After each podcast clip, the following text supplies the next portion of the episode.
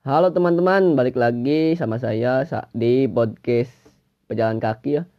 Eh, di episode kali ini kita akan membaca tentang pesan untuk mahasiswa dalam mas dalam buku Bangkitlah Gerakan Mahasiswa ya. Masih sama. Di episode kedua kali ini pesan untuk mahasiswa. Kau ingin jadi apa? Pengacara untuk mempertahankan hukum kaum kaya yang secara in inherent tidak adil, dokter untuk menjaga kesehatan kaum kaya dan mengajukan makanan yang sehat, udara yang baik dan waktu istirahat kepada mereka yang memangsa kaum miskin.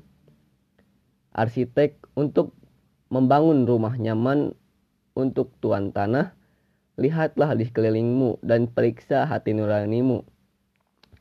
Apa kau tak mengerti bahwa tugasmu adalah sangat berbeda untuk bersekutu dengan kaum tertindas dan bekerja untuk menghancurkan sistem yang kejam ini. Menggunung dengan bunganya akan kita bayar dengan cara apa? Sudah semua harta kita jual bersama, minyak, emas, batu bara, hingga tenaga kerja wanita.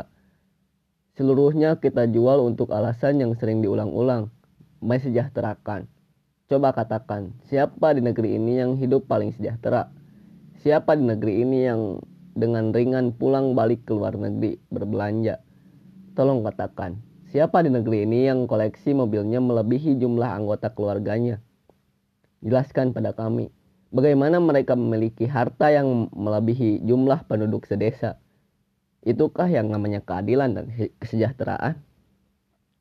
Berkaca pada keadaan di atas, kita hanya mengatakan ada pemerasan dan kesenjangan. Itulah yang sebenarnya pantas untuk mempelajari dalam ruang-ruang kuliah. Rantai ketidakadilan ekonomi itu berawal jauh sekali. Imperium Belanda memang tak berkenan Indonesia merdeka put, merdeka penuh.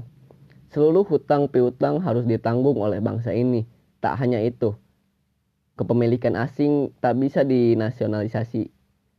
Meski Soekarno dengan retorikanya mengutuk kapitalisme tapi usia ke kekuasaannya tak lama. Sedadu yang dibantu oleh kekuasaan internasional memukul mundur gagasan itu. Sosialisme yang dibayangkan oleh Pancasila langsung musnah. Bersamaan dengan itu, investasi asing dengan kekuatan raksasa mulai menyerbu masuk. Hutan, minyak, emas, dan batu bara jadi bahan perdagangan internasional. Penduduk yang tinggal di sekitarnya hanya jadi saksi dan menonton saja. Soeharto, sang tiran, memulai membangun dengan mematuhi prinsip kapitalisme. Kuras seluruh kekayaan alam yang ada dan tiap protes hadapi saya dengan peluru. Papua hingga Aceh jadi tempat di mana pembunuhan dilegalkan. Alasan alasannya ampuh. Ada separatisme di sana. Tak hanya itu. Di, di Jawa dipacu pembangunan dengan industrialisasi. Muncul gelombang pekerja pabrik yang diupah dengan seadanya dan tidak diberi hak berorganisasi. Sawah-sawah petani disita untuk pendirian pabrik. Kini Sawah dimanfaatkan untuk lahan perumahan mewah. Singkatnya, ekonomi digerakkan melalui ancaman dan tekanan. Pola pembangunan ini didukung oleh hutang luar negeri. Bank Dunia dengan sadar memberi hutang dengan maksud untuk menggali keuntungan. Dusta pembangunan berawal dari ketidakmampuan membereskan siklus ketergantungan. Indonesia dalam jeratan kapitalisme modal saat mata uang Thailand diguncang, maka efek menularnya merambat ke tahta Soeharto. Krisis moneter begitulah nama peristiwanya. Meledak pengangguran dan muncul penjarahan. Mula-mula sasarannya adalah orang Cina. Etnis yang selalu jadi sasaran kecemburuan sosial. Tak hanya menjarah tapi perkosaan juga berlangsung. Aparat membiarkan dan mahasiswa memacu protes massal.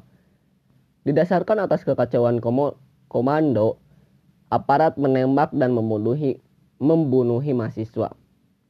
Emosi massa berhimpun menjadi cetusan protes ketika stasiun TV menayangkan tragedi itu.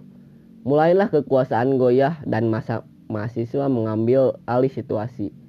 Gedung kekuasaan diduduki beberapa hari, tapi Soeharto jauh lebih cerdik, memimpin puluhan tahun dengan memahami siapa musuh sesungguhnya. Digeserkan jabatannya kepada Habibie dengan tujuan ganda, mengamankan dirinya sekaligus mencegah kesatuan aksi. Habibie yang masih dirasa sekutu Soeharto mulai mulai dicerca, tapi sisi yang lain Habibie dianggap wakil penguasa Muslim. Benih perpecahan kini meluap di per, ke permukaan. Sekoci politik gerakan mahasiswa terbelah jadi saat terbelah sejak saat itu. Soeharto mewarisi apa yang jadi ke, kekuatan imperialisme diadu domba lah sesama anak negeri. Kita dibesarkan oleh bayang-bayang Soeharto, sudah tak ada lagi caci maki untuk nyakini. Bahkan sebagian rakyat bangga dengan prestasi ekonominya. Di masanya, rakyat mengenang dengan haru uang sekolah murah, harga barang terjangkau, dan pekerjaan tersedia. Itulah masa terbaik pembangunan yang tidak bisa dicapai oleh rejim saat ini. Soeharto entah bagaimana kini dirindukan kembali masa-masanya. Wajahnya menempel di, di bak angkutan dengan senyum yang mengejek. Piye kabare? Luih penak zaman kuto? Sebaliknya, apa yang kita kutuk pada Soeharto dilakukan dengan mahir oleh penguasa sekarang. Korupsi ada di mana-mana. Oligarki telah jadi ciri rejim dan pemodal jadi kasir untuk semua urusan publik. Buah dari sistem politik kotor itu adalah terciptanya penguasa yang mengandalkan praktek jual, jual beli suara. Di titik itulah politik bukan lagi perseteruan gagasan tapi kalkulasi ribu laba. Mari kita hitung berapa banyak uang beredar untuk sebuah perhelatan pemilu saja. Di pemilu 2004 biasanya sekitar 3,5 triliun rupiah, sedangkan untuk pemilihan kepala daerah biasa habiskan dana ratusan miliar. Ini baru baru biaya di atas kertas. Kalau mau di, diurut lagi biaya masing-masing kandidat akan melompat jauh lebih tinggi. Ongkos untuk memperkenalkan diri tentu tidak sedikit. Ongkos untuk menggosok partai agar mencalonkan diri tidak tidak murah. Ringkasnya, dalam perhelatan pemilu maupun pilkada, uang seperti udara yang tidak bisa ditangkap asal asal muasalnya, tapi kita butuh itu tersedia. Partai politik boleh jadi agen yang mahir yang paling mahir dalam mengelola dana. Uang beredar dalam jumlah raksasa digunakan untuk membajak suara. Kampanye kemudian dilakukan dengan cara apa pun. Biduan dangdut, sunatan massal, hingga lomba hingga lomba karaoke dikarena dikerahkan untuk menge, menge, menggali simpati. Aspirasi rakyat semu, semua sama, butuh uang, hiburan dan jaminan kenyamanan. Anggapan naif yang dipercaya hampir semua politisi, pemilu lama pemilu lama kelama pemilu lama kelamaan meluncur dari per, perangan politik pandir tapi menghibur Ya, rakyat tahu mereka dikelabui, tapi tak tahu bagaimana mengatasi kemu, kemu, kemuakan itu. Politik terancam jadi rutin, rutinitas yang menjemukan. Gaduh ketika ada insiden, tapi hambar saat menunggu jawaban. Tapi politisi menyimpan celah politik, politisi lain, saling sodok hingga tuduh menuduh hanya untuk menambah efek kejut seolah memang politik berisi pertarungan dan perseteruan. Padahal itu semua omong kosong dan bula dan bualan. Politik tak lain adalah paket untuk membuat kekuasaan lebih stabil, lebih menjamin dan lebih memberi garansi pada rezim. Capaian terakhir ini dilakukan dengan memberi keistimewaan pada buku pro status quo. Siapa sajakah mereka? Pemodal dengan semua kekuatan ekonominya pantas mendapatkan pelindungan. Tertera dalam banyak peraturan bagaimana pemodal dibiarkan leluasa untuk mengatur, menumpuk dan menjamin kepentingan usahanya. Seluruh sektor hajat kepentingan publik dipertaruhkan dalam tawar-menawar dan jual beli. Menyusun perlindungan berikutnya diberikan pada elit politik yang duduk sebagai parlemen dan jarang tertinggi birokrasi plus serdadu. Komplotan ini punya hak istimewa hingga memperoleh kekayaan dan bayaran berlebihan. Sebutan yang tepat untuk mereka adalah para predator dua elemen kolot yang bersekutu dipenam, dipenampilkan ritme politik yang rut, rutin, prosedural, dan stagnan. Hasil buruk dari ke keadaan itu adalah kekuasaan yang minim tanggung jawab. Siapa yang bisa ditunjuk oleh untuk bertanggung jawab jika angka kemiskinan meroket? Siapa yang dapat dimintai hukuman kalau angka kecelakaan meningkat pesat? Kemudian, Siapa yang dapat dimintai jawaban jika keadilan tak dapat di tak bisa didapatkan di ruang persidangan? Kita kemudian hanya mendapat berita dan cerita. Duka derita yang miskin hanya jadi berita, hanya jadi berita yang kita semua dimintai untuk bela sungkawa. Keterangan mereka yang lemah lalu jadi cerita di mana-mana. Kita lantas diminta untuk belajar dan mere pada mereka keteguhan, kesabaran, dan ke ketangguhan maka panggung kehidupan sosial bertabur dengan orang-orang yang menompa harapan. Yang miskin sebaiknya dicintai, dilindungi, dan disayangi. Kemiskinan itu, kemiskinan tidak untuk diubah, tapi dia jadikan bahan untuk berdebat sekali, sekaligus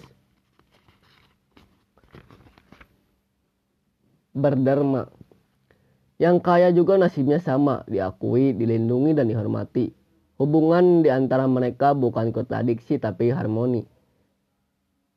Jadilah agama jadilah agama sebagai pengikat suci kesenjangan dan ketimpangan. Sedangkan pengetahuan jadi buhul yang memayungi itu semua. Maka pendidikan tinggi hanya sempat peneguh mitos ketidakadilan dan ketidaksempurnaan sistem sosial. Cobalah kalian ingat, kuliah apa yang bisa membuat kalian berani Dosen siapa yang bisa membuatmu tertantang untuk punya nyali? Jika kuliah hanya deretan absensi dan ceramah basa-basi, maka pendidikan tinggi hanya menobarkan menobatkan kalian jadi pemuda yang tak memilih bakti. Padahal sejak dulu tugas cendekiawan muda adalah mengabdi dan setia pada jalan kebenaran dan keadilan. Tanyakan pada dirimu sendiri, apa yang bisa kamu ubah dengan kuliahmu? dirimu, lingkunganmu atau negaramu. Lalu seberapa sebenarnya keinginanmu jika kuliah berjalan seperti ini? Berpaling sebentar pada apa yang melekat dalam dirimu. Telepon genggam, laptop, celana, celana hingga kartu mahasiswa. Seluruhnya itu menandakan statusmu sebagai apa? Pelajar atau pengusaha? Dua posisi dua posisi yang kini tak bisa dibedakan artinya. Mahasiswa dilatih jadi pengusaha dan pengusaha mendidik mahasiswa. Rangkuman kedudukan itu disebut dengan kuliah wirausaha. Pertanya, pertanyaan ujungnya, lalu untuk apa itu semua sesungguhnya? Kuliah kini punya tugas sederhana, mengantarkan mahasiswa mendapat kerja. Di semua kampus terdapat karnaval lapangan pekerjaan semua bentuk usaha dipamerkan dalam ruang kuliah. Jika ada mahasiswa sejak dini sudah mampu memegang kerja dan dapat mengelola harta, ditunjuklah mahasiswa teladan yang mahir memutar duit, sukses dalam membuat es krim hingga bisnis cuci baju. Keke kekayaan dipacu jadi cita-cita dan hartawan dimitoskan sebagai pahlawan. Kata rektor, jika kalian sudah mampu membuat lapangan kerja, itu berarti ada maknanya jadi mahasiswa. Semangat baja untuk memburu laba diwadahi dalam berbagai jaringan kegiatan. Bank dimintai peran untuk memberi kredit kerja. Perusahaan dimintai jatah untuk membuka latihan magang mahasiswa. Dan pemerintah didorong untuk memberi pujian bagi mahasiswa yang bisa berkarya menciptakan laba. Maka kampus lama maka kampus lama-lama mirip dengan usaha pembuat mahasiswa jadi pengusaha saja. Di sana yang sum, yang tumbuh bukan iklim akademis tapi unit usaha. Silahkan kamu lihat bagaimana kampusmu mempercantik dirinya. Ruangan dibuat multifungsi, tidak dapat dipakai untuk wisuda sekaligus dapat dipesan untuk pameran, pameran apa saja. Masjid kampus tak hanya berisi ibadah dan diskusi, tapi juga bisa disewa untuk nikahan dan resepsi pesta. Apa pun ruang kuliah sejak lama didesain untuk membuat nyaman mahasiswa. Ditempel AC di sana-sini, dinding dipenuhi dengan pesan etika dan foto guru besar menghimpit pandangan mahasiswa. Perpustakaan dibuat makin menawan, buku jumlahnya diperbanyak, penjaga dengan ramah menyapa dan kantin didekatnya, didekatkan di sekitar sana.